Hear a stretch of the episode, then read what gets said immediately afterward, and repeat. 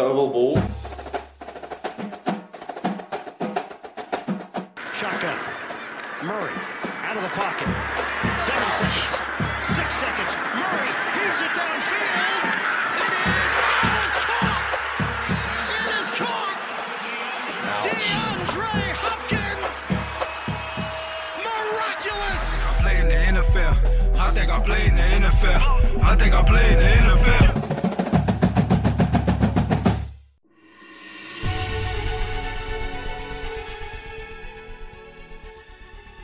Hjertelig velkommen til Oval ball. Dessverre savna digitalt, så ikke jeg får se de vakre øynene til det, Stian, og det, Kenneth. Men uansett, velkommen. Takk. Takk. Bedre lyd nå, da. Det er jo i det minste fint. I dag en ganske normal oval ballstemning. Vi går litt inn i NFL-gryta, prøver å se hva som skjer og oppsummerer week 8. Vi tar et dypdykk inn i trades. Vi har selvfølgelig ukas anbefaling, og ikke minst en nydelig topp tre-liste fra alle tre. Eller ballen snappes digitalt. Football til folket. Football til folket. Football til folket.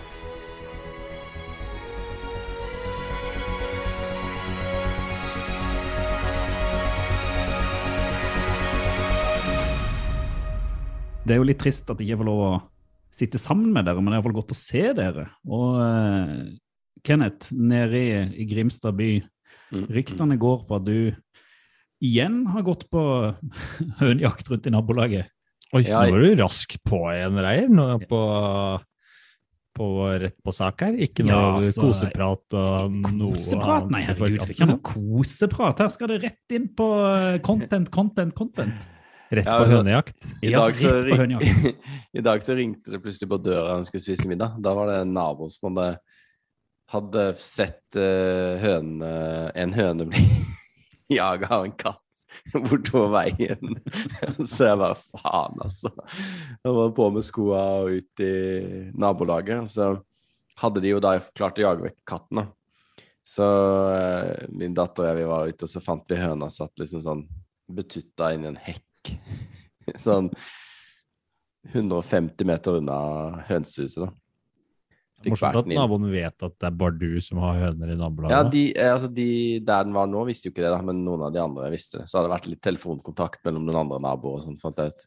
Så, så de fikk lokalisert den. Eh, og så er det jo det er den samme høna som ble jaga sist, vet du. Hva heter hun? PA. Stakkar. Si. Så ja, så jeg var ute, men det, dette gikk jo litt kjappere enn sist. Jeg slapp å hente den på sykkel og sånn. Så det var ikke noen videodokumentar? som Har ikke noe, har ikke noe video uh, Har ikke noe videobevis eller bildebevis denne gangen. Så sånn er det. Ellers så har det jo ikke vært så mye som har skjedd. Vi kom jo kom jo fra Oslo, og så var det litt Var hjemme alene i helga med kidsa, så var det litt sjukdom nå de første dagene. På de, da, ikke på meg. Så sånn er det. Livet leker. Mm. Mm. Og eh, du da, Stian? Mm. Hvordan har, eh, Vi har lever jo jævlig dølle liv, da. Vi har jo Det- er- vi har ingenting å prate om. Denne, denne, Um, denne spalten burde gå fortere, egentlig. Burde det. Ja. Jeg har, jeg har ikke noe å komme med. Jeg er forbanna på søndag morgen. For det, det å stille klokka er Jeg føler vi, vi er ferdig med det nå. Ja, det, altså, Hvorfor kan vi ikke bli enige om at vi skal ha én forbanna tid hele året? Hva er vitsen? Dette her leste jeg litt om, hvis dere har lyst til å vite. Nei. Nei, greit. da Vi det kunne bare- slutte Jo, kom da. Ja, greit. Nei, det, det er EU som sliter litt. Det var korona, så de greide ikke bestemme seg. Men det kommer. Det kommer. Ja, gjør men det i kommer jo. Det kommer at de bestemmer seg, men det, du, Mm. det er ikke nødvendigvis sånn at de bestemmer seg for å velge en tid. De kan de jo bestemme seg for å fortsette med dette. Det er alltid USA, en annen idiot som ødelegger det. USA stiller jo selvfølgelig klokka neste uke, eh, så da fikk vi jo alle kampene klokka. Det var positivt, det, da. Ja, det var fint. Det er vel det eneste positive med å stille Ja, klokka for denne nå uka. falt jo dette her sånn samtidig med halloween. Mm. For dere som har sånne små barn som ikke bryr seg så veldig om det enda. Kanskje Eh, litt hos deg, eller? Var jo ute og Ja. hadde mm. på meg skrikmaske og sånn. ja, her var det sikkert 100 mennesker som ringte på døra midt i red zone. Konge. Det var det her òg. Og jeg kan vel si det sånn at han minste hos meg, eh, han har jo ikke opplevd dette her før. Så han har aldri vært så redd i sitt liv. For det plutselig sto det en gutt utenfor i ulvemaske og sa hei, hei. Så han er jo enda sånn når han hører det bevege seg utenfor døra, så løper han bare inn i armene mine. Det er, liksom, det, er enda flere dager siden sist. Så han er traumatisert for livet. Men eh, jeg håper at om et år, kanskje så, Blir bedre neste år. Ja. Ja, men det er utrolig dårlig dag, ass. Begynne, Jeg er jo ikke vant til å begynne fem, sånn som dere gjør. Nei, men da fikk du følt litt på det. Ja. Så nå 4.33, tror jeg det var. Hadde jeg nettopp lagt meg etter å ha sett uh, Nattkampen. Ja, jeg, jeg følger opp med jeg har ingenting å fortelle heller, Stian. Jeg hadde det på besøk da i helga, det var hyggelig. Det var Du har hyggelig. vist, du har vist Og på søndag, det òg. Ja, den nye doningen, den fine doningen du har kjøpt, som vi kunne se Mm. hva vi gikk glipp av om vi kjøper en mye styggere doning. Og så fikk du sett huset, så det var noe, det var noe stas. God kaffe hadde du, da. Ja, ja, ja, ikke sant. Og så fikk, apropos han minste, han syntes det var veldig gøy å ha det på besøk. For skulle, han, jeg tror han skulle vise deg alle lekene han hadde. Sånn Jeg tror jeg fikk se alle. Ja. God eh, dekning. Tok sin tid, det. Og så fikk han jo til og med en sparkesykkel av det, så han, eh, der har onkel Stian eh, virkelig slått seg inn i, inn i hjertet, i motsetning til han ulvekiden utenfor. Nydelig. Jeg må jo bare si at eh, takke alle som, som følger oss på sosiale medier og, og sender oss mail. Eh, Ovalballpod, Facebook, Twitter, eh, Instagram. Eh, jeg sier en Instagram, der syns jeg vi er flinke, altså. Eh, og så ligger det jo ute litt saker her og der på ovalball.no som jeg syns alle bør, eh, bør sjekke ut. Eh, og så kan dere sende oss en mail på kontakt at ovalball.no hvis dere syns denne spalten blir altfor lang, eller om dere vil høre mer om våre kjedelige liv.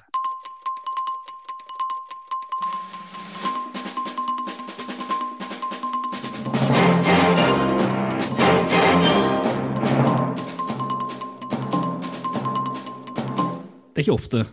Er noen ganger vi har breaking news. Og nå, har vi, nå igjen har vi litt sånn breaking news, selv om uh, dette her er et opptak og det er podkast. Og det er jo litt sånn trist breaking news. Uh, men uh, Henry Ruggs i Raiders har brukt bye-weeken sin ikke på fotball, kan man jo si. Nei, han har ikke det. Han har dessverre brukt den på å kjøre bil i påvirka tilstand, virker det som. Og det resulterte i et uh, tragisk dødsfall. Ikke på Henry Ruggs, men i det som virker som å være den møtende bilen. Eller bilen mm. han kjørte på, eller bilen som kjørte i han. Det vet vi ikke noe om enda. Men i alle fall et uh, veldig, veldig trist utfall og en trist sak for et lag som, eh, som også sliter godt fra før. da. Sett i fotballøyne, men dette er jo først og fremst tragisk for andre enn fotballaget Raiders. da. Mm. Men det er Ja, det, det ja. står jo at han uh, på nfl.com will be charged with DUI. Så det ser jo ikke veldig lyst ut for eh, godeste Ruggs. Som du sier, uh, Raiders har jo vært gjennom et par ting i år. Og det virker som om eh, de skal ha mer å deale med i tiden fremover. Ja, En ulykke kommer sjelden alene. Selv om fotball i dette her tilfellet ikke er så viktig, så er det det er jo synd for Ruggs da, eh, at man er såpass dum, for nå kan jo hele karrieren være over med at han havner inne i mange mange år.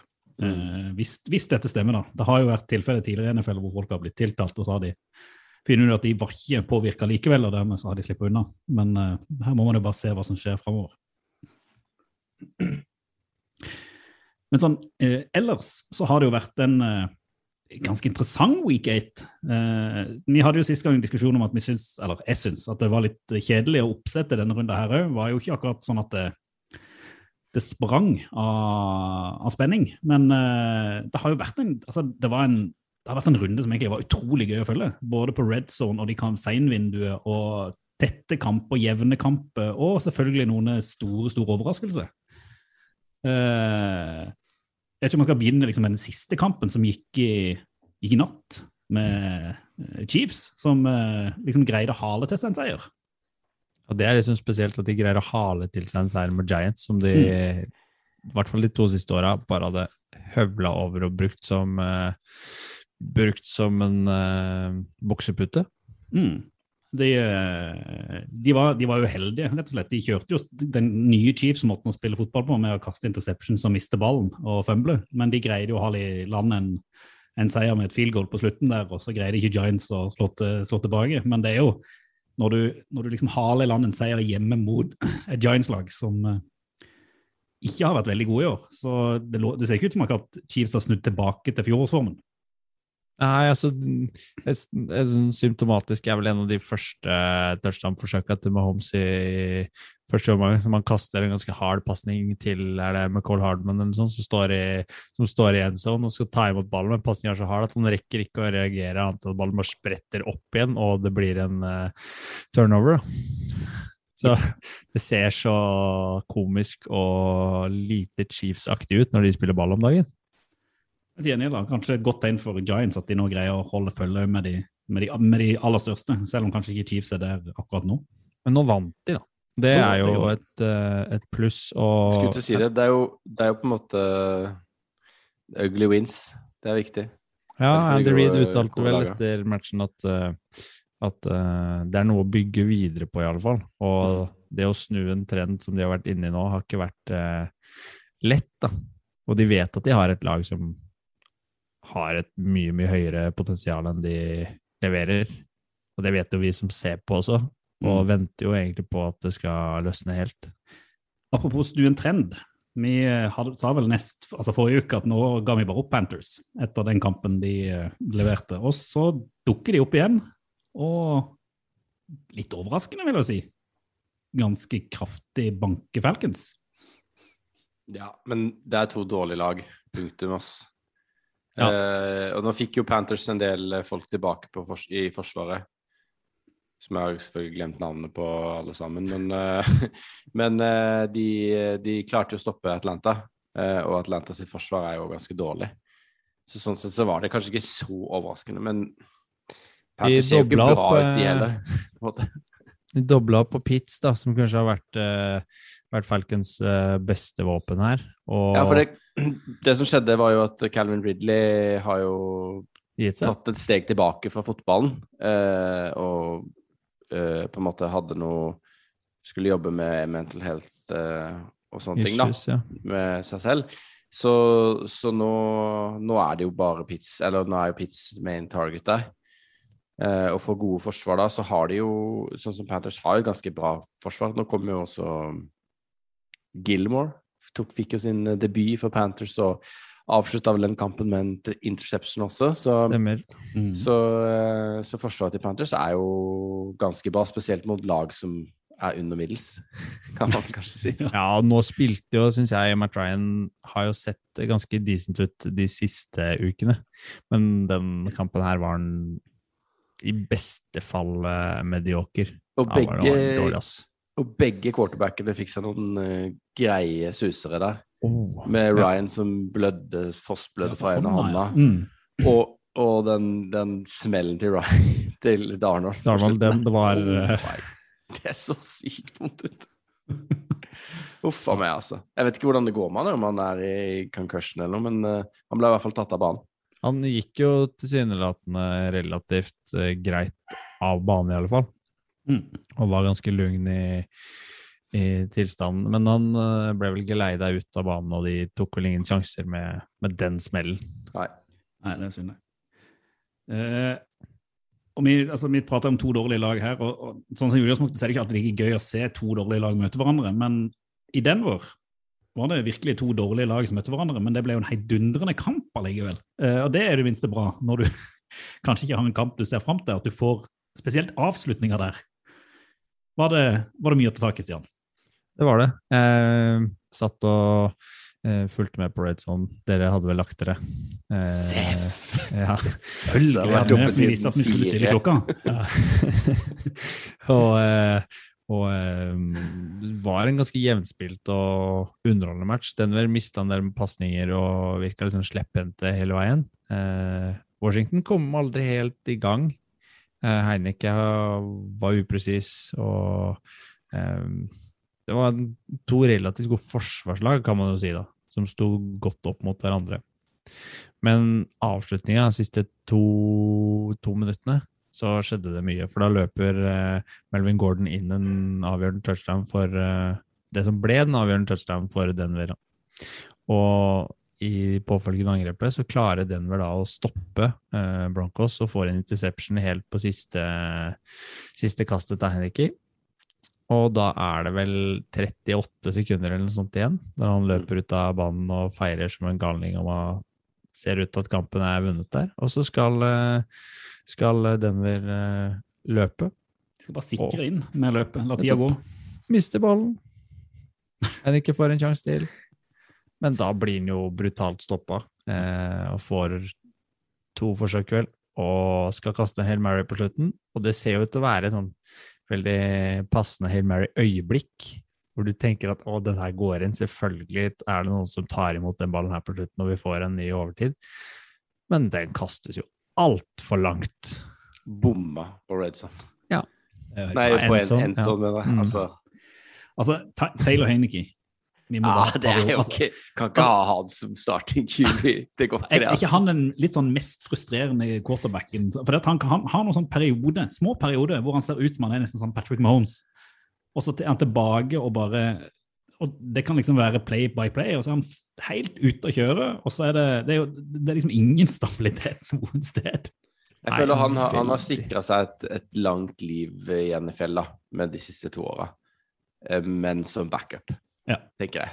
Han er jo en veldig habil backup-QB som du kan ha og hive inn på hvis det kniper. Mm. Men uh, jeg tror ikke han Det er det du kaller verdens beste jobb, er det ikke, Kenneth? Ja, det og long snapper. Backup QB, det er drømmejobben. Bare sitte med paden på sida der og lære litt plays, og så kose litt seg. Gatorade. Klokke inn litt mils i året og være klar hvis det skulle skje noe. Ja. Denne runden var det jo akkurat det som skjedde for veldig Ja, ja. mange. Det kommer vi Ja, ja. tilbake til. Men uh, Jeg hadde ikke vært en av de. Jeg hadde vært totalt uforberedt. Nei, en av de som dro på der, var jo eh, Gino Smith, Seahawks. Dro i land en etterlengta seier for, eh, for Seattle-laget, tenker jeg. Men hva har nødvendig. Jags gjort, da?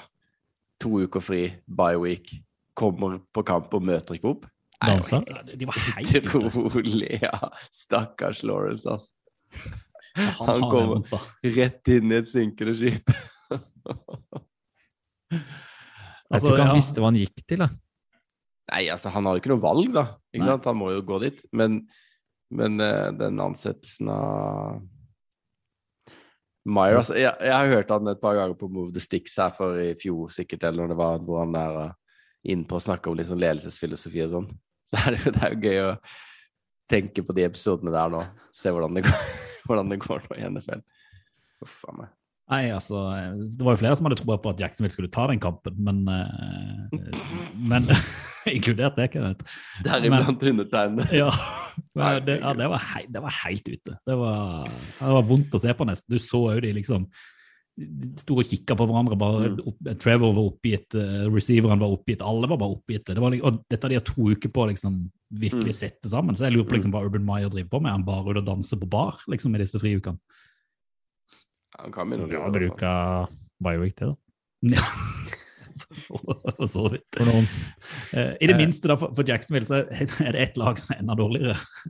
Ja, og det var også et lag man trodde kom til å vinne nå. Ja, og det er Detroit. Fytti Detroit fikk grisebank av Philly. Oi, oi, oi. det drøyere.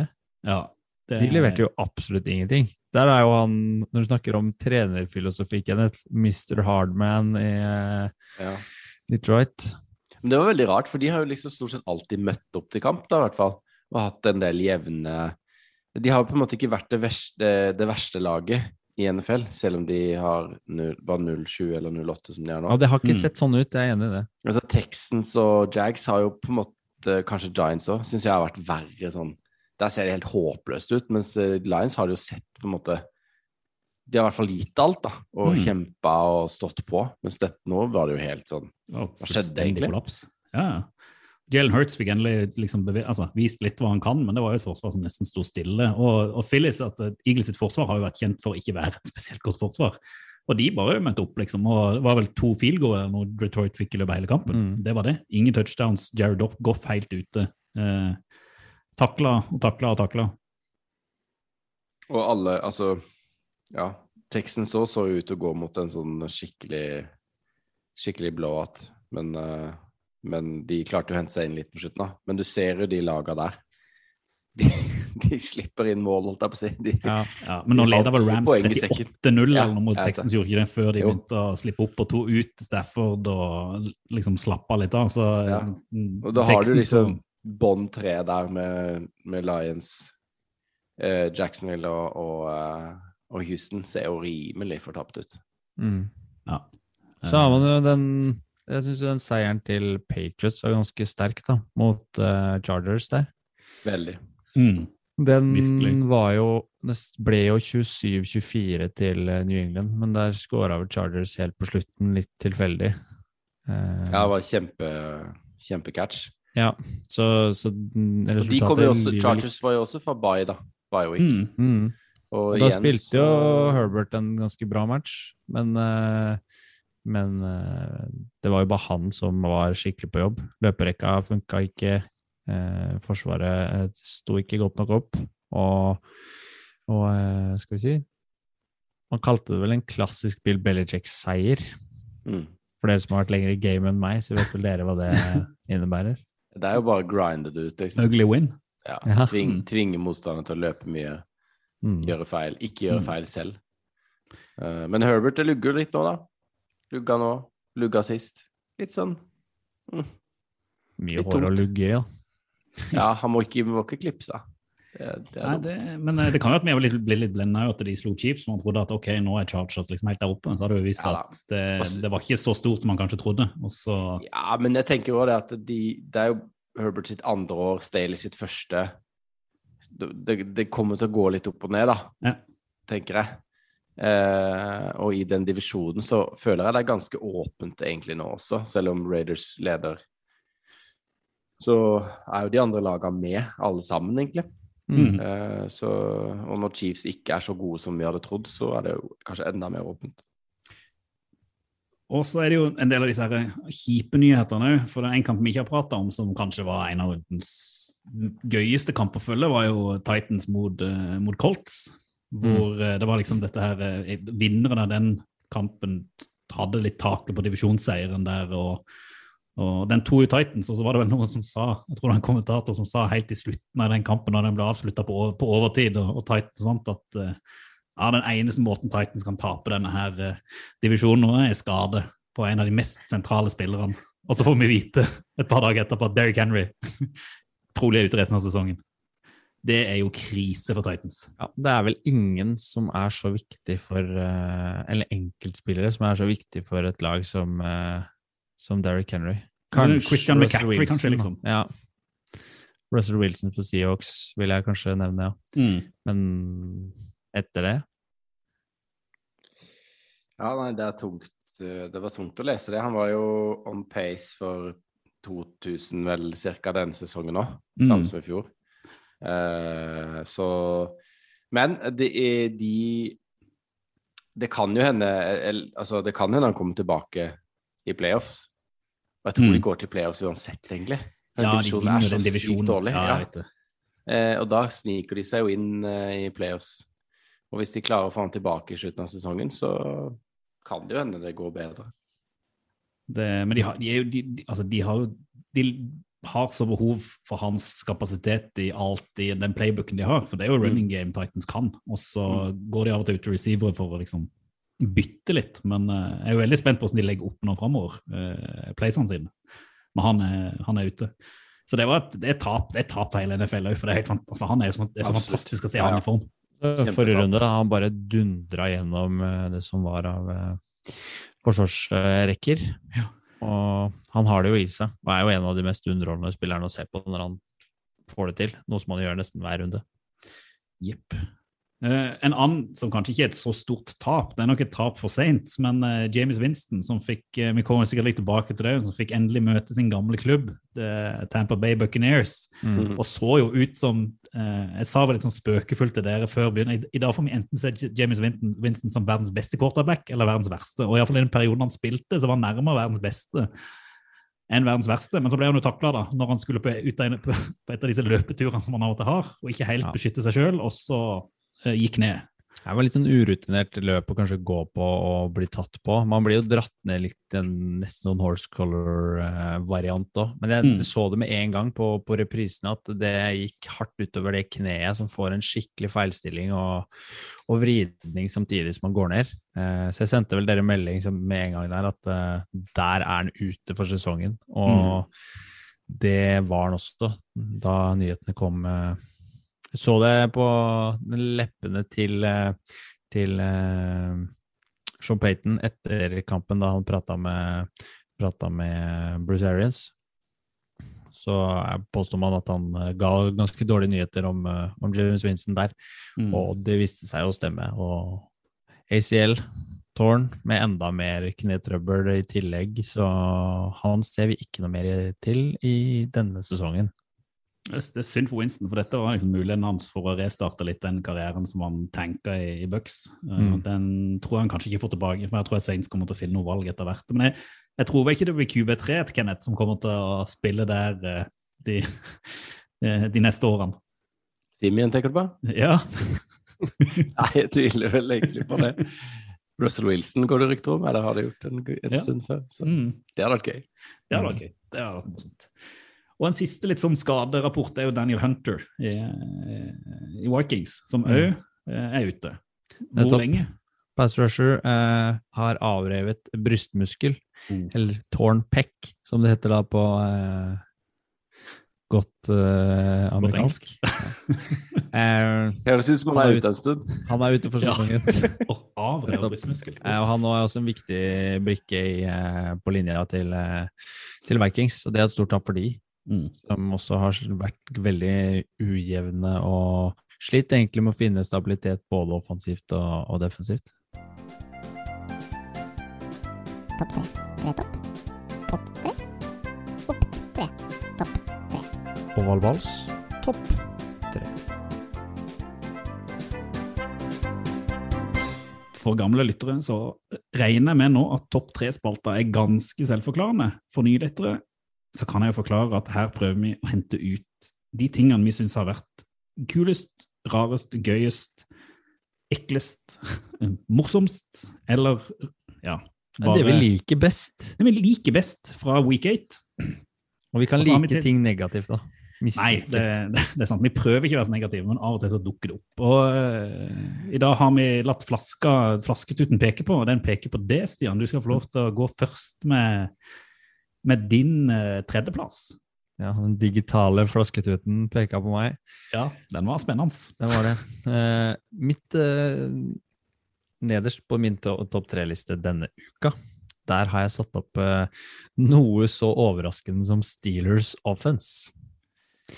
Og det har jeg gjort fordi at de, de spilte jo og fikk endelig tatt revansj mot, uh, mot Cleveland Browns etter det forsmedelige sluttspilltapet i fjor.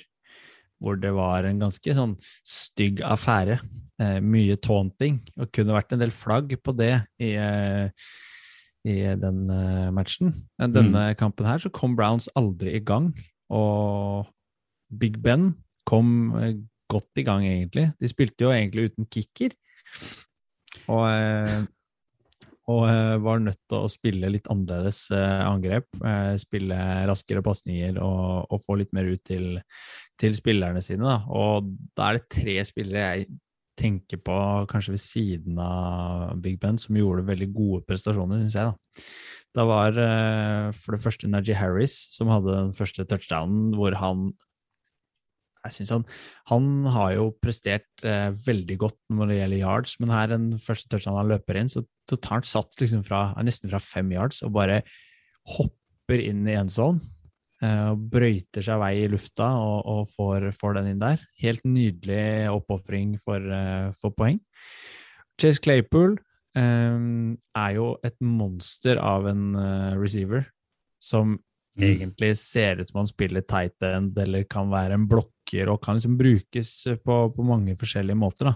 Ikke bare som en, uh, som en receiver, og, og spille både eh, inside og outside og kan uh, gjøre mye. Og der var det et uh, mottak han gjorde hvor han fikk på seg fire eller fem eller seks eller sju liksom, Brown-spillere, og han fortsatte liksom noen yards til med hele den klynga på seg. Og det viser liksom hvor stor og sterk den mannen er. da. Og han tenker jeg at det er viktig at Steelers får i gang for å, om de skal ta mer poeng. Og så er det Pat Ryermouth, da. Uh, tight end, eh, rookie, som gjør et fantastisk mottak uh, på den avgjørende touchdownen. Hvor han liksom vilt. Altså, han tar imot ballen på en måte og treffer også en forsvarsspiller, og ballen spretter opp igjen, og han får tatt den imot på vei ut av banen og får likevel dratt med seg beina og akkurat tråkka innafor, sånn at den blir godkjent som, som touchdown. Den skal vi legge ut på, på våre Det var jo fourth også. Ja. Mm. For de hadde jo ikke, som du sa, de hadde jo ikke kicker hele kampen. Eh, så de gikk jo for det på alle fjerde forsøk. Ja, nei, det var nydelig å se på Steelers uh, vinne en match igjen. De trengte det.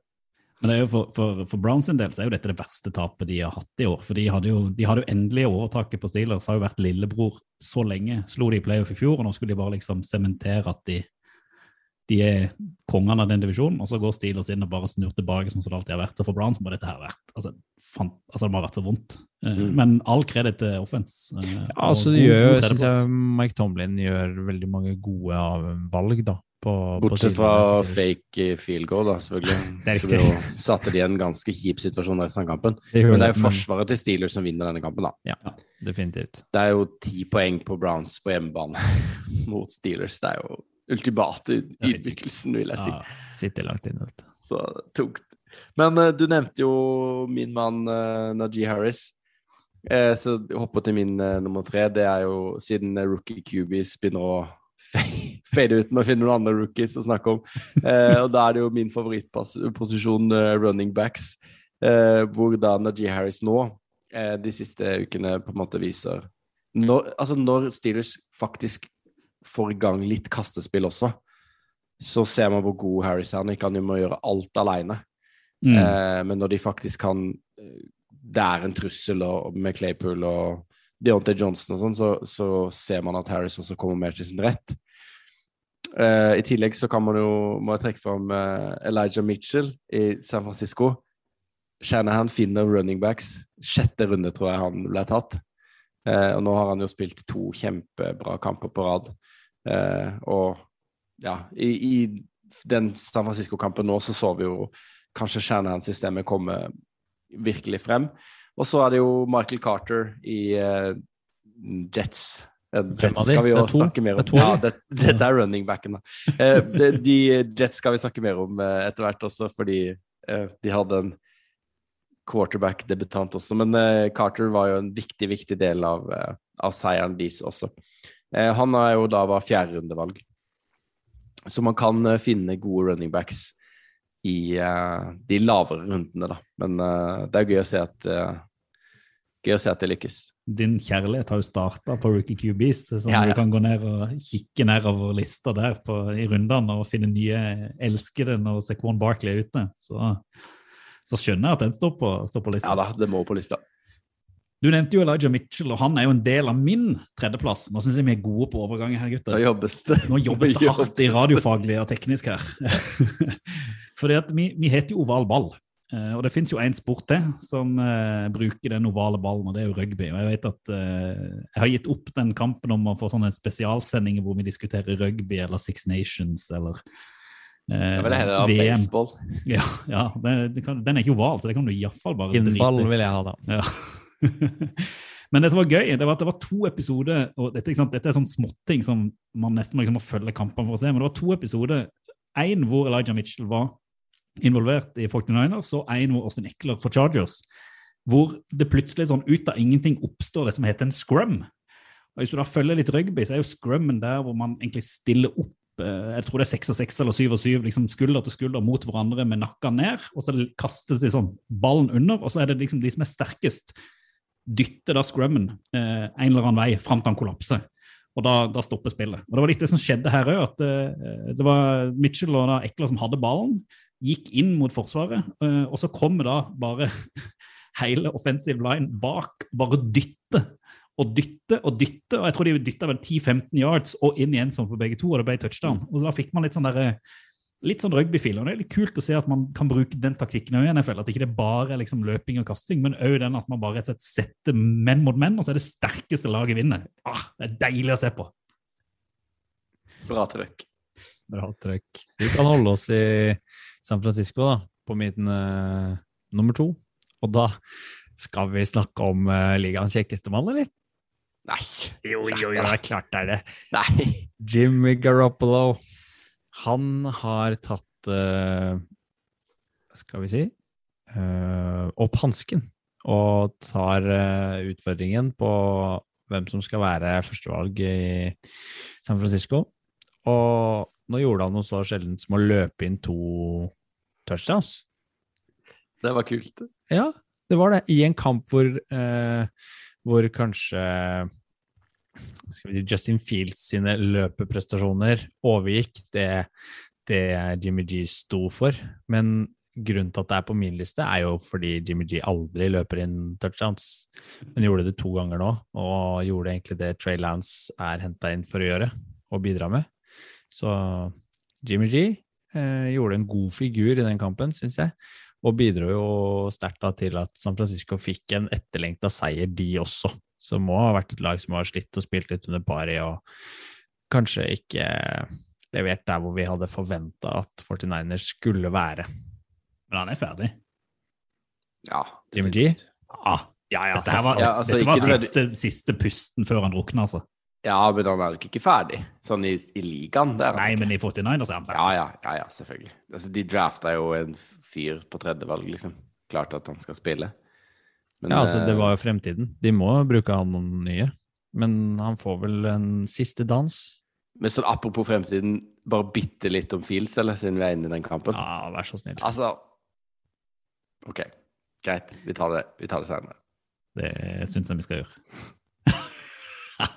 Men det er ikke alltid vi vet hva vi andre har på topplisten Nei, vår, ikke nå, sant? nå, nå så man på Zoom at det kan være at jeg skal ha noen Ja, feels greit. liksom senere, så da tenker jeg vi tar det senere for å liksom følge, følge rammene. Eh, men du kan få lov til å ta din andreplass, Kenneth. Ja, og det er Dallas Cowboys. Hele, hele Cowboys.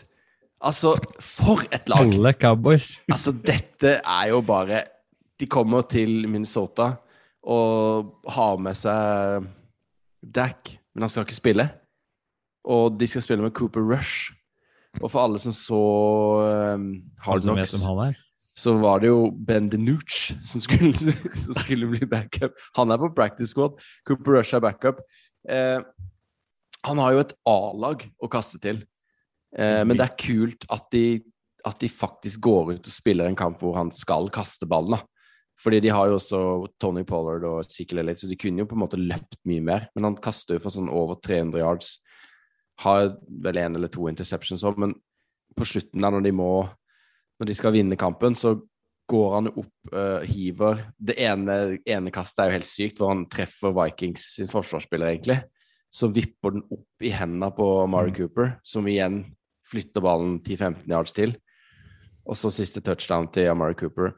Og så bare Kellen Moore, hans eh, offensive coordinator, de spiller så bra under han.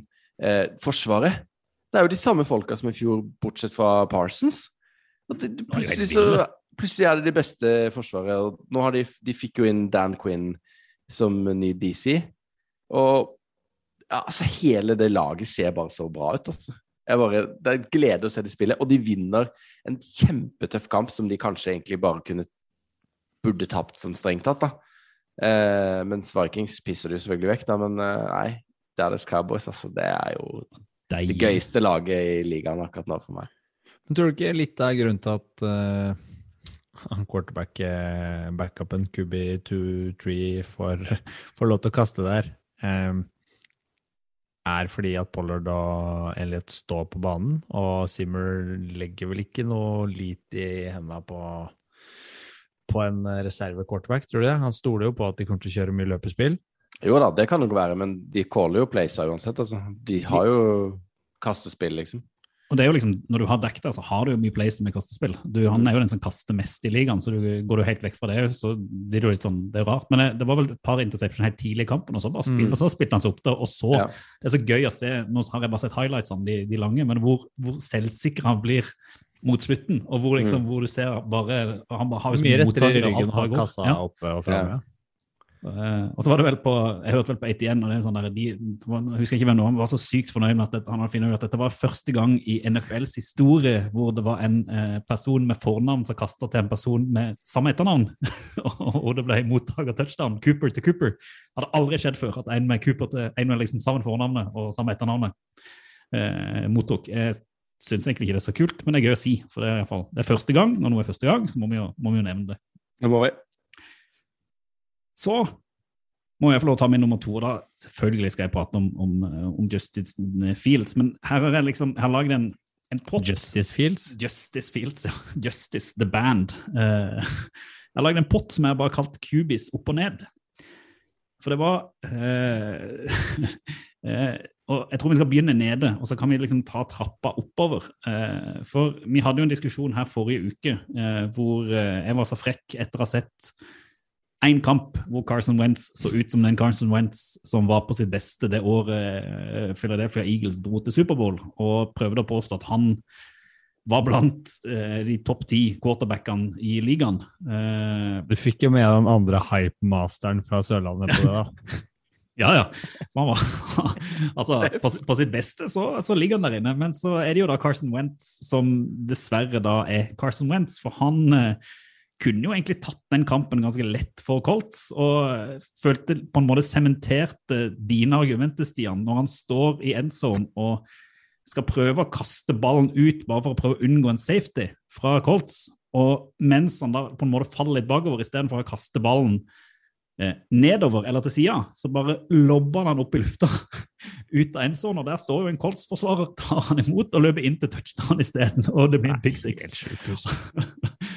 og så av en eller annen vill grunn så får de jo ballen tilbake på slutten og så kaster han den bort til en ny interception. Eh, og da er det bare sånn Da Colts, altså. Sorry. Der, eh, I, I rest my case. Det var jo akkurat det jeg sa til deg forrige uke, hvor du nekta å høre. Ikke sant. Og så må vi jo bare gå opp noen trapper, for da kommer vi opp liksom på Justin Fields. Mm. Og eh, han er jo ennå ikke der han liksom skal være på sitt beste, men det er én situasjon når Bears har en fourth and one, hvor han da viser altså Det var, var så deilig å se hvor han da viser hva han kan. hvor Han har ingenting, han har ikke noen mottakere, og så bare setter han i gang og løper, og så løper han vel 20-30 yards. Eh, og bare Løper liksom 20-30 yards bare, bare på tvers først. Ja, ikke sant? Litt i sikksakk og Ja. Eh, eh, og vise liksom hva han virkelig virkelig kan. og Bare, bare det å se han gjør det, tror jeg liksom alle Bears-fans bare får et sånn håp om at dette her, dette kan bli bra. Dette kan vi slippe Dalton, vi slipper Trubisky her, og vi kanskje finner noen som kan, kan redde oss. Definitive gjennombruddet til Fields, eller? Ja, jeg syns iallfall han, han viser De skulle jo gjerne vinne den kampen, men det er jo sånn sett ikke bare hans feil. Eh, han var god, eh, og jeg håper han har, han har i hvert fall tatt lassen. Det er ikke noe mer Dalton i det laget der. Det Han, han gjorde sitt for å prøve å vinne den kampen der. Har ikke så mye annet han kunne gjort. Mm. Eh, men til slutt så er det jo tilbake til dette her eh, og Vi har prata mye om de, disse her QB2. De som, de som Kenneth egentlig har lyst til å være. Sitte på benken og bla på iPaden. og konge. Surface. ja, Også Jets. Vi har ikke prata om Jets. Nei. Men altså, New York Jets. Vi prata om at Bengals kanskje er det beste laget i NFL akkurat nå forrige uke. Eh, med Jamar Chase, Joe Burrow som ser ut som gull. Og så møter de Jets, som jeg trodde de skulle kjøre over. For det var til og med Wilson, som egentlig dette laget nå er bygga rundt, er ute med skade. Så kommer Mike White inn, uh, og bare mye var det? Han kasta over 400 yards, liksom. 102 yards. Mike White. Det har bare skjedd én gang i historien vel, at det er en eh, Jets quarterback som har gjort det samme. Og de havner jo under. De ligger jo er det 14 poeng under uh, i fort quarter. Bengals har egentlig kontroll på kampen. Og så greier da Jets å få en, en touchdown. Selvfølgelig Mike White går fram, kaster touchdown, og så kaster Burrows bort ballen for han blir blokka eller noe, det blir en interceptions. Og så på slutten så går det jo fram, eh, score igjen, leder med et poeng. og hvis, Dette her må vi jo legge ut på, på nettet, da. Men den two point conversion som skjer på slutten av den kampen, hvor eh, de kjører trick play, hvor det er Mike White får ballen, gir den til Moore, kaster den videre til Crowder, som da igjen kaster den inn i endzone. Og hvem er det som står i endzone og tar imot den pasninga? Det er vår mann, det er Mike White. Hvor han ligger på ryggen og bare jubler og virker ikke som han skjønner hva som skjer. Det er kanskje, altså, det er sånn, det enkeltøyeblikket som står sterkest fra meg fra Week 8, når han ligger der i en sånn og bare De har knust Bengals, og han har kasta over 400. Det diggeste for Mike White er jo at de trada for Joe Flacco tidligere i uka. Han gadd ikke komme tidlig nok Han til å venta en kunne dag. spille. Altså. Han får ikke spille nå. Han må glemme å spille. Ja, ja, altså, sånn- Salah sa vel det. Han ja, startet ja, på torsdag. Selvfølgelig. Altså, kaste for 400 yards, det har jo ikke skjedd på fl- Har ikke 20 skjedd. år eller noe i Det har Jets. ikke skjedd, liksom. Og så bare 20, skal de sette 40, inn Flacco. 74 tror jeg vi snakker om. Flacco kommer for å være QB3. Jeg elsker det. Sure Flacco, ass. Er det mulig? Så jeg må bare si, altså Jets, når de spiller sånn som dette her Jeg elsker jo egentlig Bengals, men eh, det var utrolig gøy å se eh, underdogen komme og, og vinne der. Det, Ja, der så- hadde de, de hadde jo ingenting å tape, Jets, når Nei, de setter sant? i gang det, det lekespillet på slutten, eller? Og fantastisk. den jublinga han hadde på slutten, det har jo egentlig vært en, eh, en plass på en topp tre-liste, det òg. For han tok jo helt av da den seieren der gikk inn. Det er mye fra den kampen som kunne egentlig vært en egen topp tre-liste. Altså, som vi skal prøve å få lagt ut. Altså, egentlig anbefaler jeg alle, hvis ikke dere har sett det, gå inn og se alle highlightsene. Fantastisk eh, kamp å, å følge, og utrolig gøy, gøy avslutning. Så der har vi på en måte gått opp den quarterback-trappen fra Wentz, som ligger litt døddrukken i bunnen, til Mike White, som står på toppen og ser på utsikten og nyter eh, applausen. Men vi skal til en eh, kamp til, som jeg har satt på, på førsteplass. Og da skal vi til rundens første match. Packers Cardinals hjelpes for et oppgjør. For et så solid eh, oppgjør mellom to lag som kommer til å være helt oppe i Superbowl contention og virkelig være med på, på jaget om eh, trofeer. Altså. Der sto eh, to av ligaens beste quarterbacker mot hverandre. To av ligaens beste forsvar eh, mot hverandre. Og Packers dro i land dette her med, om ikke minst mulig margin, så var det på, på håret. Og Nei, jeg vet ikke. Dere må hjelpe meg. Jeg mangler litt sånn superlativer for matchen. da. Uh, Altså, det var jo sånn vi, vi så den, at du, du ser nesten en type Superbowl-aktig kamp allerede der. Det var, det var så høyt nivå på alt som ble Mm. gjort. og selv om du ser skå, Det var ikke så mye poeng, men det er jo det du sier, at det var to ekstremt gode forsvar som liksom greide å nøytralisere hverandre ganske mye. Men Packers har da de har Aaron Rodgers, de har litt mer erfaring, og det viser seg litt i den kampen òg. De hadde vel mista òg Adams før den kampen til covid, hadde ikke det? Så de, de, Og de, Lazard. Og, allikevel så går de dit og, og drar til Arizona og vinner. Eh, som er altså, dritsterkt. Altså, enormt imponerende. Og Jeg føler litt Eh, sånn der eh, folk kommer inn fra benken og gjør en innsats-take for et hardt skudd for baugen. Det kommer jo folk inn i packs jeg aldri har hørt om engang. ja, Ja, og da var, det var ikke Rogers veldig fornøyd med her heller. Det var et par ganger i, i første omgang av matchen at han Du ser han er misfornøyd med de Tenk, tenk, tenk å debutere som wide receiver med, med Rogers som, eh, på sida som ikke har lyst til at du skal være på laget engang. Han har ikke lyst til å kaste ballen, jeg. Det ender med Men- at han kaster til Cobb, da, som gjør to touchdowns. Mm, Men det er ganske mange som, som har, eh, har mottak i den kampen, som jeg faktisk Mm. ikke har hørt om, eh, for Packers. Så det gjør jo bare seieren enda mer eh, imponerende, vil jeg si. Men Cardinals Eh, gjorde ikke noe dårlig kamp. De, Nei, de gjorde ikke det. De gjorde en kjempekamp, de òg. Og det er jo det som er så fett med den kampen. Mm. At det var bare et enormt nivå. Altså bare helt den vanvittige avslutninga, da. Ja. Så Ja, nei, det, var, det kunne like gjerne vippa andre veien, egentlig, den kampen. Den Ja, ja, var såpass åpen. Og, og der får du NFL på sitt beste da, i, i de primetime-oppgjøra som går der, med, med de lagene som har et så høyt nivå inne, og som leverer også på det samtidig. Så er de kampene utrolig underholdende og, og leverer. Så for eksempel D-Hop, DeAndre Hopkins, hadde jo et vanvittig finterepertoar også. Han lata som han tok imot en pasning mens ballen var i lufta, og, og safety var helt ute. Ja. Eh, utrolig så- kroppskontroll og awareness, da. Bare vite hvor ballen er, hvor den kommer til å lande. Jeg rekker å ta en liten fake her nå, sånn to sekunder før jeg skal ta imot ballen. Helt sykt. Nei, det var eh, høyt nivå på matchen, og eh, klar førsteplass eh, denne uka fra min side. Altså. Jeg har en annen kamp eh, på, på nummer én som også er på en måte en eh, Hva skal man si? En klassiker det har blitt, da. I, eh, i nymotens NFL, hvor Tom Brady har bytta lag. Eh, Saints eh, Bucks, som jo hadde Den kampen hadde jo på en måte det meste.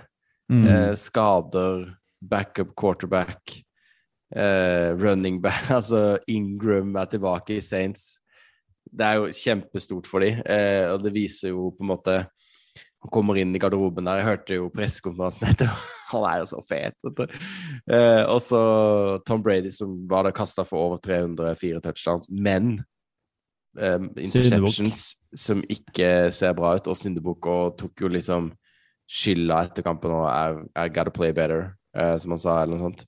Ehm, ja. Og, og Saints har jo skikkelig taket på Bucks. Det er også litt spesielt nå i De vant jo Superbowl i fjor, men det er jo tre av fire eh, kamper har de tapt mot Saints. Det er jo liksom et Forsvaret- divisjonsoppgjør. At Mm. eh, de, har, de lever et eget liv. Og Ja, de har liksom Saints stor, enormt storebrorstempel. eh, eh, Ja. Mm. Og det viser, denne kampen viser jo kanskje først og fremst hvilken trener Sean Payton er, da. De bare henter inn Jeg visste ikke at Simeon var der engang. Eh, kommer inn, og så bare er han så bra som han er, da. Litt sånn eh, røff, røff start, og så bare eh, går det veldig bra. uh, mot et av ligaens beste forsvar og ja. Så det, det var en utrolig morsom kamp. Kjempegøy frem og tilbake. Stor stemning. Ja, den hadde på en måte alt, da. Uh, og Saints går hen og vinner den også, som gjør at de De ser jo mer og mer ut som et playoff-lag, selv uten, uten på en måte en skikkelig quarterback. Nå blir det vel sikkert Taysom Hill, da, Mm. får vi anta. Uh, regner ikke med at Simien går inn der, selv om han uh, ja, Det overraska meg å se at han faktisk hadde to år som starter for Broncos i sin tid. For når jeg begynte å følge NFL, så var han uh, på en måte på vei ned. På vei ned. Ja, han var en type Drew Lock når han spilte der i Broncos. Ja. så Det er jo en grunn til at han ikke fikk fortsette. Det var jo etter, etter Peyton Manning-æraen. Mm. Så det er ikke så rart at man ikke husker han. Nei, det var, det var det, det, altså Nå har dere henta ut to gode kamper. Jeg har jo en topp én som er den rake motsetning.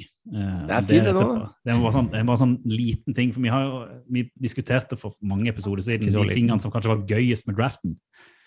Og jeg tror det jeg henta fram mest, det var jo at eh, Steelers de henta en punter, uh, Presley Harvin III. Fantastisk mann. Han er jo altså han er stor fysisk, men liksom spiller jazz og er liksom en fantastisk historie. Eh, Og en første- veldig, veldig god punter. Kanskje en av de beste punterne, en av de første svarte god punterne som, eh, som liksom har gjort suksess. Eh, og så er det som dere nevnte i stad, at eh, Chris Boswell han heter, er det ikke det kickeren til, Mm. til Steelers, hvor da Steelers, Tom, Tomlin bestemte seg for at de skulle prøve seg på en fake punt. Eh, eller fake kick, var det. Fake, Fake field goal. eh, Mm. Hvor da ballen kastes ut til Boswell, og som da skal egentlig prøve å kaste den inn i en zone. Men han blir, han, han blir litt grann sånn oh, dette var litt skummelt. Og så plutselig ser du bare at han forsvinner ut av bilderuta. Han blir takla så hardt at eh, altså, Ja. han, han fins ikke lenger. Så han flyr jo langt ut og blir jo skada. Og da står jo Steelers uten, eh, uten kicker. Og da, da tenkte jeg at nå, dere, nå endelig er det tid for Presley Harvin III, som skal bare eie denne kampen og bli liksom rundens helt. Og dessverre så velger Mike Tomlin å bare droppe å gå for field goals. Eh, den, ene, den ene gangen Presley Harvin dukker opp i, i bilderamma, er jo da når det må være kickoff etter at Steelers har fått en touchdown, så skal det jo da være en kickoff. Og da viser det seg hvor spesialiserte spillerne egentlig er i NFL. For Presley Harvin han greier ikke helt den kickoffen. Den går litt sånn og humper litt opp i lufta, og så går han out of bounds. Eh, selv om han er en av de beste punterne i ligaen, fantastisk mann, så kan jeg jo skjønne den, den vurderinga. Men jeg er ennå litt skuffa over at ikke vi fikk sett Presley Harvin prøve seg på ett field goal og kunne putte det. For da, da hadde det vært liksom topp én av alle topp tre-lister altså hele, hele det vært, året. det hadde vært han- sykt stort. Så litt skuffa, men han var likevel bare på topp én. For nå, han, nå havna han i nyhetene. Han, han var i fokus. Han var liksom, Det var det man prata om. Og hver gang Presley Harvin er i fokus, så kommer han til å være på min topp tre-liste. Det må jeg bare si.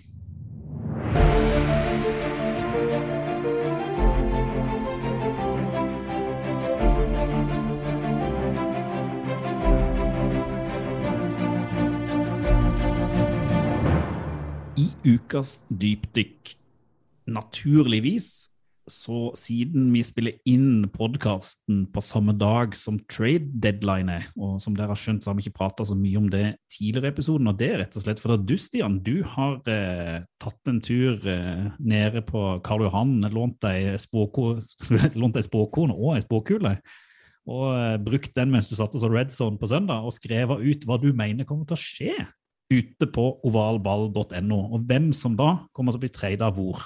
Mm. Og den spåkona var jo ikke eh, altså, du, Litt har du peiling på, eller den kula funka litt, for allerede har en av dine spådommer gått i oppfyllelse. Ja, det viste jo seg at uh, Broncos var ivrig på å trade til seg uh, Josh Og Von Miller forsvant jo til Rams i går. Så det er jo en uh, ganske drøy signering av Rams, da. Uh, harseleres jo litt på sosiale medier om at Rams tydeligvis ikke har noe lønnstak, eh, i og med at de kan hente en så stor forsvarsstjerne som eh, Von Miller, når de allerede har Jalen Ramsey og Aaron Donald i tillegg. Her lurer jeg faktisk på om Broncos betaler nesten alt av lønna. de betaler 9 av 9,7 millioner eller noe. Det er helt sånn, De Ja. betaler nesten alt. Nesten. Ja. Men de får, Hvordan de jo, får til de avtalene, er jo vilt i seg de fikk jo en, de får jo et andrerunde- og tredjerundevalg foran da. Mm. Siste år på kontrakten, så det er jo ganske høy pris å betale. Mm. Ja, det er det, men samtidig får de en uh, De skal Altså, vinne nå, det er ikke ja. noe tvil om det. Nei, og, og Rams driver jo ikke med draft. Jeg tror de har fire picks er Ikke sant. Eh, men du har du har satt opp ti, ti punkter, og det er jo bare å gå inn på ovalball.no og lese spesielt etter draften er ferdig, for da kan man jo, eller altså traden, eh, deadline er ferdig, for da kan man jo se hvor mye du har treffa på. Men hvilke par andre du syns er liksom viktig å fremheve som, som aktuelle eh, før eh, midnatt, som kunne kanskje skje, eller iallfall som er behov? Mm, kan jo si først at det, det å sette opp bare en topp ti-liste over de, de mulige tradesa som blir gjort nå før fristen går ut, eh, var en liten prøvelse, for det eksisterer ekstremt mange rykter og, eh, og personer som mener ting om dette her. Så, så det, source. ja, ikke sant? Det er he- helt ekstremt. Så en ting som vi kan stryke fra lista, i alle fall, da, som eh, ble klart egentlig i, nå i kveld, var vel at Deshaun Watson kommer til å bli værende i Houston Texans og ikke, ikke trades til Dolphins, selv om det har vært snakk om en stund. Og det er jo på sett og vis fair for Tua, tenker jeg, Kenneth, at han får lov til å Ja, men det er jo bare tull, det der spille. Watts-greiene. Ja. Ja, det er jo ingen som kan Nei. hente han. Og, men det var, det var verdt å nevne det, tenkte jeg, på, på lista også, fordi Ja, ja, det så- er, har vært en av de største snakkisene sånn utafor det som skjer på fotballbanen. Eh, så det tenker jeg kan være greit. En ting som jeg håper mest på av de tinga som jeg nevnte på lista, er jo at eh, Alan Robinson eh, virker som en sympatisk og fin eh, receiver i Chicago Bears. At han skal få seg en ny arbeidsgiver og Mm. komme inn på et lag som, som vet å sette pris på den, og som gir han en quarterback som kan kaste ordentlige pasninger til den over en lengre periode. Det hadde vært fint. Enig. Eh, ha- hadde du noe, noe innspill, Kenneth, til, til lista til Stian? Syns du han språkhula språkula har, eh, har funka? Ja, altså han, han gjorde det jo ganske bra sånn i starten, syns han. For at, uh, han ville jo ha en forsvarsspiller til Chiefs, det fikk han jo. I uh, Melvin Ingram, som ble trada fra Steelers. Men det er ikke noe Eh, hva skal vi si, det er jo ikke noe stor bombe at de trader til seg en forsvarsspiller etter den sesongåpningen de har hatt, da. Nei, Det er sant. det er ikke noe bombe, men eh, du, du har skrevet det og truffet, så jeg syns Ja. at jeg skal få litt praise for det. rett Skryt slett. Det er skryt det. Hadde ikke venta det fra deg. Nei, for det er mye annet rot her. Det kan man si. Men det kan dere sjekke ut. på valball.no. Men hva tror dere, bortsett fra det jeg har skrevet, er det liksom noen ting dere eh, håper på vil skal skje, eller eh, eh, se for dere, gutta? Vi hadde, jo, vi hadde jo en intern diskusjon om at eh, Odell Beckham kanskje burde, burde fly komme, fra, komme seg vekk fra Brown. Så nå ser jeg i kveld at det har kommet ut litt nyheter der òg om at han sier at han skal være der og liksom forsvare plassen og kommer ikke til å bli trada. Men han, han passer jo ikke inn i Browns. De greier ikke å bruke han riktig. Og det, ikke. Bare tull. mm. Så han kunne vært en cool trade, men det er vel ingen som kanskje kommer til å ha nok kapital eller tørre eller ville bruke det eh, nå. Han blir jo dyr, da, hvis han skal hentes. Eh, og tenk å sette den i, i Packers, for eksempel, hadde jo vært Mm. en fantastisk eh, eh, hendelse, men det, det skjer nok ikke. Og Cam Cam Newton. Da? Cam Newton. Jeg, jeg Ja, håper men han-. Han trenger vel ikke å Han kan jo signere når som helst, kan han ikke det? Eller? Jo. Han er han jo hjemme, han er bare hjemme og trener. Han trener hardt. Jeg vet ikke Om det blir noe mer Cam, altså. Det er synd å si det, altså. Det, det er jo en del lag som trenger noe, noe nå. altså hvert fall, når du kan jo gå- trader for Joe Flacco Ja. Og Cam sitter hjemme. Det kjenner jeg ikke, altså. En ting til som har skjedd, da, som, eh, som uh, kommer litt på bakgrunn av Derrick Henry-skaden, er at uh, Adrian Peterson, tidligere All Pro uh, running back, eh, også blir uh, henta til Titans Mm. for å Det er derfor jeg- bistå. I dag så har jeg på meg min Frank Gore-drakt. Det er jo fordi det er trade deadline nå, og det er mange som trenger running backs. Og når eh, Adrian Peterson kan gjøre comeback, da kan Frank Gore det også, tenker jeg. Det er det beste jeg har hørt. Dette er gøy. Det der, det er fett. Oval ball anbefaler. Aldri en oval ballsending uten at vi sender en anbefaling til folket, og i disse trade-tider så må vi jo trekke fram litt nyheter, eh, eller litt anbefalinger som dekker de nyhetene som dukker opp disse dager. Eh, Ja, det må Mm. vi. Eh, NFL Insiders fins jo. De får ryktene først, får uh, ha kilder i klubbene, og når vi snakker per source, så er det vel ingen som nevner det oftere enn Ian Rappaport og Adam Schefter, som er uh, go to guys på, på sosiale medier. Har vi snakka om at eh, Schefter har vel over åtte millioner følgere? 8,6 eller noe. Eh, Rappaport har faktisk 2,9 han òg, så de er jo Men de har har jo en del både. Twitter-profiler og Instagram-profiler som er verdt å følge. Eh, Nyhetene man- kommer jo kjappere der enn de gjør eh, typisk der de jobber. De Ja. slipper jo det fortere på, på SoMe enn de gjør i, i da typisk hos ESPN eller NFL.com. mm. Så, så de er absolutt verdt å følge. Du har jo et par andre også som heter eh, Tom Pellicero og Hva var det siste, da? Mike, Mike Garofolo. Mm. Garofolo, de også er jo insiders som eh, Ja, greit å ha i Twitter-feeden, da, hvis du skal, og Instagram kanskje òg, hvis du er mest der. Fordi de, de er überkjappe på, på å slippe nyheter når de har de. Og det er ikke bare til trades, da. Det er jo til Nei, det er jo eh, alt alt av nyheter i, Ja. i ligaen. Men, Mm. men til det vi snakker om nå, så, så funker de spesielt godt. da. Hva skal du se på? Hva skal du se på? Rundens utvalgte. Nå syns jeg vi har prata nok om hva som skjedde. Nå vender vi blikket framover til week eh, nine for å velge ut de kampene som vi mener er kanskje de mest severdige kampene i eh, Det er vel en runde som markerer halvveis i NFL-sesongen, rett og slett. Eh, Om ikke jeg tar helt feil. Da er vi halvveis. Hvis du regner inn Bice og sånn, så er det vel 18 runder. Mm. Week nine. Riktig. halvveis. Eh, og da Det er jo en ganske bra runde. Eh, mye interessante kamper. Og Kenneth, du har fått æren av å plukke den første ut av NFL-hatten din, som du mener folket bør ha et litt ekstra øye på når søndagen kommer.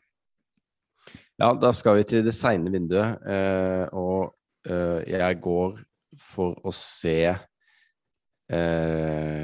vår mann Kyler Murray hevne seg fra forrige uke mot et 49ers som er på vei oppover. Jeg skal ikke si at jeg er 100% sikker på at eh, Cardinals tar denne, men, eh, men det er i hvert fall en eh, utrolig spennende, veldig spennende divisjonsoppgjør. Uh, Shanahan så ut som han fant formen med, med både Jimmy og løpespillet forrige uke. Kanskje vi kan til og med få se Trey Lance. Det ser ut som til å bli en veldig artig kamp, tror jeg. Så det er mitt, eh, mitt valg. Står ved ovalballs superfavoritt Kyler Murray. Snakker vi jo to eh, lag som eh, kanskje en tilnærmet naboer spilte ikke spilte ikke 49ers noen kamper på, på Cardinals sin eh, hjemmebane i Var det i fjor? Jo, det var jo da de stengte ned hele Mhm. San Francisco. På alt, alle offentlige arrangementer ble jo stengt ned, så da måtte de spille et annet sted. Spilte to kamper, tror jeg, mm, på, ja. i, i Arizona. Vi kan kalle det et lite nabooppgjør, da. Ja, det er jo det uansett. Altså, det, den divisjonen der, de er jo ganske nære med hverandre, Et alle steinkast. Det er, ikke, det er ikke ingenting i USA et steinkast. Du må ha bil, stort sett, for å komme deg rundt. Men Ja, Men altså, det er, jo, det er jo et veldig Vi var jo, eller jeg kanskje, eh, en, kjapp til å avskrive 49ers eh, forrige runde. Eh, men altså Ja. Du er jo svart-hvitt, det vet Ja, det er jo. veldig. Nå er jeg litt tilbake på Shanahan-vogna igjen. Selvfølgelig. Nå er du på kjøret. Det er ikke meg som skal til. Jeg sitter jo med, med San Fran-drakta på meg. Ja, men to dager siden sendte du Oh, melding om yeah. nei, nå er ikke Shanahan ferdig. Ja, Jeg ja. mener at Cardinal skal vinne den her, klart det. De skal vinne, ja. Det er jeg helt enig i. Men Jeg er ikke sikkert de gjør det. Nå er Nå det er spent på hvordan de svarer på den, uh, det nederlaget de dro på seg nå. Jeg eh, håper og tror Cardinals tar det, men uh, Det blir gøy å se Kyler mot uh, Nick Bosa, da. Mm. Se de overarmene til Bosa. Herregud, han ser farlig ut, ass. Mm. Det er ikke noe gøy å ha han i hæla, men uh, Fields kom unna han. Gjør du det? Det tror jeg Murray gjør òg, når Fields får det til. Eh, jeg har sittet liksom og kikka på oversikten her, og jeg, jeg satt liksom og helte mot å, velge tidlig tidlig kampen, altså Thursday, hvor Jets skal møte Colts, bare fordi at det, det, det er som Wentz. Wentz mot. White og eh, QB mot QB, og det er forsvaret til Colts mot uh, rookien til, til Jets. Jeg, altså, jeg tror Colts kommer til å knuse dem, så det, men jeg, jeg fant ut at nei, jeg må velge en søndagskamp, for det er jo den folket i stor grad uh, har mulighet til å følge med på. For det er litt seint å sitte oppe og se Thursday Night Football hvis ikke det er en sånn superkamp sånn som du hadde valgt det sist, Stian, med Packers og Cardinals. Men jeg må jo velge Packers denne gangen òg, fordi at Packers møter jo eh, Chiefs. Og i utgangspunktet så ville jo dette her vært et sånt nesten enda større toppoppgjør enn forrige runde, når Packers mø- møtte eh, Arizona Cardinals. For dette her er jo et av de to største lagene i NFL de siste siste årene. Men her føler jeg det er en sånn en enorm favoritt, og det er Packers, sånn som Chiefs har sett ut. Men er det én kamp Chiefs kan snu sesongen sin, så er det denne kampen her. Altså Her, her er, vil jeg nesten tørre å påstå altså taper Chiefs denne kampen her, så er det nesten sånn at de kan vinke ha det til playoff-toget. Altså, da er de nesten, det kan godt være de kommer seg til playoff, men de, de er ikke å regne med som contenders. Men tar de den kampen her mot, mot Packers, de spiller vel hjemme, om ikke jeg tar helt feil, Mm. så vil jeg tørre å påstå at da kan du igjen regne Chiefs inne som uh, contenders. Uh, og da må de liksom, de må skjerpe forsvaret sitt, og så må de slutte med det der tullet med å kaste bort ballen og fømle den hver gang de blir takla. Og så må de prøve å beskytte eller de må prøve å takle Aaron Rodgers i senk, sånn at han ikke kan stå og styre eh, kampen. Så jeg, jeg mener Packers er store favoritter.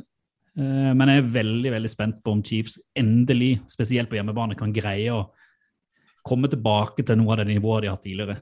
Eh, Jeg tror det ikke, men det hadde vært gøy. Jeg har ikke lest meg opp, men jeg regner vel med at Adams er tilbake. Jeg tror det, fra covid-protokoll. Mm. Lazard var vel eh, nærma seg klar. Så de stiller nok med et litt sterkere lag, eh, Packers, nå. Eh, jeg meldte jo og sist kanskje at eh, Chiefs kommer til å vinne conferencen sin, og da må de, må de, Må de vinne denne kampen. her. Ja. Eh, jeg tror faktisk de gjør det. Hjemme på Arrowhead, så det, det passer bra med en seier der nå mot Packers for å, for å snu den sesongen her, da. Og, og Chiefs skal være med, skal være med helt inn. Jeg er ikke på, på samme kjøret som deg, på at de blir liksom den største skuffelsen i år. For det, det er de for gode til. Men jeg tror denne kampen her avgjør egentlig akkurat det. skulle jeg si, det veddemålet. Jeg mener det her det ligger og vekter litt. Vinner de her, så er jeg enig med det, Stian. Taper de her, så legger jeg meg på fanget til Kenneth og klapper han på skuldra. Men hva tror du der er? Jeg, altså, jeg, har vært, jeg, har, jeg har gått med et håp om Chiefs hele sesongen. Jeg synes, eh, altså, det, er, noen som sier sånn at du gjør, hvis du gjør de samme tingene om og om igjen og forventer et, for, et nytt resultat, så er det en tegn på galskap. Og Det er litt sånn jeg føler Chiefs holder på. Så jeg mener at Packers kommer til å ta den her, og jeg tror de kommer til å ta den ganske klart. Jeg tror Chiefs kommer til å rote det bort, som de har gjort eh, tidligere i sesongen, og at eh, dette er spikeren i kista for Chiefs-toget. Ja, da er det bare for folk her å sette alle pengene dere har på Chiefs-eier, Chiefs. for den kommer til å gå rett inn. Men du Stian, da, du som eh, mener du kan tippe eh, og kan trekke ut kamper, hva er det du har eh, valgt ut til folket der ute? Jeg hadde to kamper jeg så for meg jeg skulle velge, og de to tok dere nå. uh, Grattis! for den Texans Dolphins er ledig, da. Ja, den er det. Jeg merker at jeg Bills drar ut nå for å se. Nei, en kamp jeg er litt interessert i å se nå, det er uh, faktisk et Ravens-lag som kommer fra Bywick og skal spille mot Vikings hjemme. Vikings som uh, har bidratt med veldig underholdende matcher, og skal møte Lamar Jackson i Han var i storform før han tok uh, fri. Skal vi se om han er tilbake i samme slag. Det er tidlig på søndag, så da kan man virkelig kose seg med en, eh, en god match. Eh, og meget sannsynlig blir den underholdende, og jeg tror Ravens eh, trekker det lengste strået i matchen. Men jeg tror Vikings kommer til å gjøre godt fra seg her, da. Jeg lurer Vikings på sin del så må eh, de jo snart begynne å vinne sånne kamper, men jeg tror, jeg Mm. tror jo Ravens tar den hjem. Ja, jeg tror jeg, jeg lurer på om kanskje dette er Simmer sin siste sesong i Vikings. Altså. Det ser jo Mm. liksom ut som Det blir sånn nesten, nesten. Altså når det ser bra ut, så plutselig så får du en kamp hvor det ser veldig dårlig ut. Men eh, Det- jeg ville jo, hvis jeg var deg, så ville jeg valgt Browns Bagels. Meg, da. du er ikke meg, da. Jeg er ikke det. Browns er ferdige, de, vet du. Jeg orker ikke med Browns. Bengals Nei, de er ikke ferdige. Jeg vil se. Lamar, jeg. Lamar er eh, topp underholdning på i søndag kveld. Jeg vil, jo- hvis jeg var det, så ville jeg kanskje tatt Broncos mot Cowboys i tidlig vindu. Da får du et fantastisk forsvar mot et fantastisk angrep, og så er det liksom om å gjøre hvem som kan nøytralisere hverandre der. Det er, Det er bare å velge red zone. Ikke velg, ikke velg Vikings og Ravens, i alle fall. Da. Det er vel det dere sier. Ovalball. Fotball til folket. En ny episode kommer til sin eh, til ende, og for uh, våre erfarne lyttere så det har dere sikkert merka at det har vært et par uker nå hvor uh, ukas flagg rett og slett ikke er til stede. Og det har jo vært litt frustrerende for vår del, fordi at vi, det, er så, det er så mye vi ser i kampene som ikke vi, vi helt forstår. Eh, det er litt rett og slett pga. litt sykdom og andre ting hos eh, Pontus, men vi håper inderlig at til neste uke så er han på plass igjen og gir oss eh, opplæring i alle reglene vi ikke helt greier å forstå. Sier Pontus har vært litt opptatt med også å spille amerikansk fotball.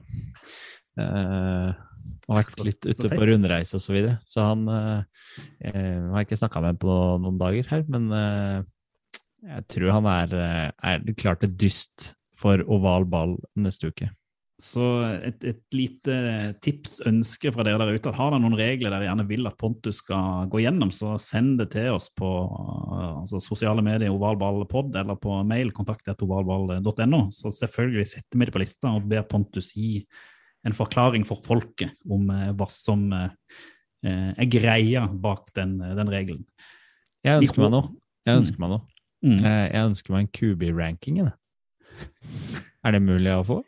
Ja, det er, uh, den skulle vært ute allerede. det er mulig å få. Den skulle vært ute i helga.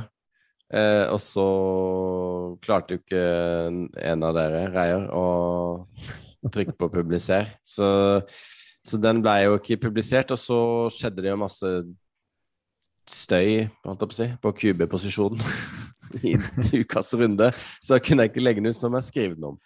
Eh, Så- så det den må egentlig- være, egentlig Vi kan ikke legge ut noe som ikke er up to date.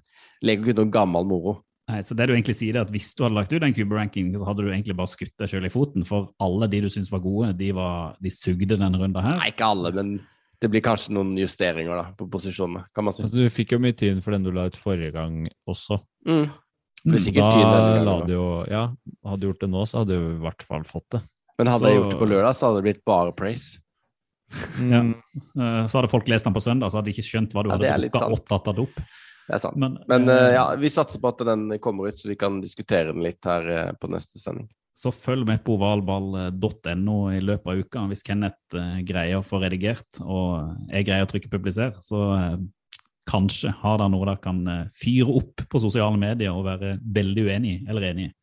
Jeg tipper det første, for å være helt ærlig. Du, det er mye patos i de listene. Fine lister. Men eh, det som er liksom det sykeste, er at vi er halvveis i sesongen. dere. Altså Nå er det jo playoff og sånn igjen, da, men det, det går ganske fort. Eh, eh, og jeg gleder meg jo egentlig til at nå, nå begynner vi å komme til et sånt nivå når vi skal begynne å diskutere at nå er det sånn vi må begynne å ta opp liksom hvem som ligger an til å være på playoff. For nå er det folk som er Mm. ute, og så er det folk som ligger og kjemper. Så er det jo ikke så mange grunner til man kan si at folk snart er klare. Så det blir jo liksom spennende nå de neste ukene. Nå kan vi begynne å diskutere litt sånn playoff, MVP, eh, All Pros osv. Kommer vi inn i det sjiktet på sesongen da, hvor det begynner å utkrystallisere seg hvem som på en måte er de beste spillerne og de beste lagene. Og Lereie Sja, nettopp. Mm. Mm. Det var det. Men det var jo mye sånn, det var fint sagt på Grimstad-dialekt. Du nevnte ikke MVP og sånn. Spillere. Nei, men altså Det ligger jo i det. Det skjønte jo Stian òg. Stian skjønte det, men jeg skjønte det ikke. Så kan vi jo diskutere draft picks. Det er jo der vi begynner å havne. Hvem, hvem er det som får første, hvem får andre, hvem får tredje? Hvem kommer det til å være? Det er mye gøy som ligger foran oss de neste Snart må vi begynne å kikke litt på college òg. Oh, ja, vi må få litt besøk av folk som kan det, som kan fortelle oss litt hva som foregår, eh, foregår der. Eh, Men mer tror jeg ikke jeg skal si. Jeg tror vi, folk som er bra, folk skjønner der ute, så har vi mye eh, lina opp de, de neste ukene eh, i oval ball. Eh, Og en liten overraskelse kanskje når vi nærmer oss eh, thanksgiving òg, eller? det kan godt være. Den kommer jeg kanskje tilbake til. Mm. Eh, Iallfall for de som eh, bor i hovedstaden. Men eh, fram til neste uke så har jeg ikke noe mer å si enn tusen takk for eh, i dag, og football til folket. Fotball til folket! Fotball til folket. Do the Titans have a miracle left in them in what has been a magical season to this point? If they do, they need it now. Christie kicks it high and short. Going to be fielded by Lorenzo Neal at the 25. Yeah, give it Pitches to- it, back to Wycheck. He throws it across the field to Dyson. He's got something. 30, He's got something. 50. He's got it. 40, He's got it. 20, 10. He's got it. five, End zone. Touchdown Titans. There are no flags on the field. It's a miracle. Tennessee has pulled a miracle.